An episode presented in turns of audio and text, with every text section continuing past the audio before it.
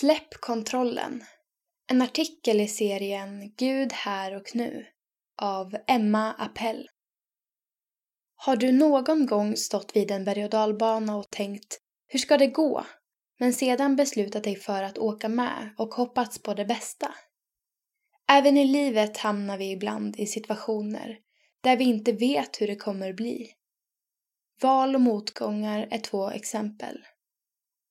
Många gånger har jag fastnat i grubblerier inför olika beslut.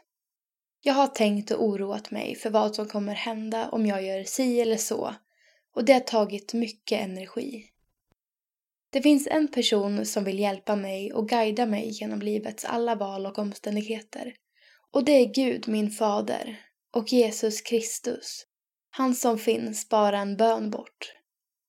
Jag, och kanske också du, behöver träna på att våga släppa kontrollen och lita på att Gud tar hand om oss och våra beslut. Många gånger har jag i efterhand kunnat se och förstå hur Gud har lett mig genom tuffa val.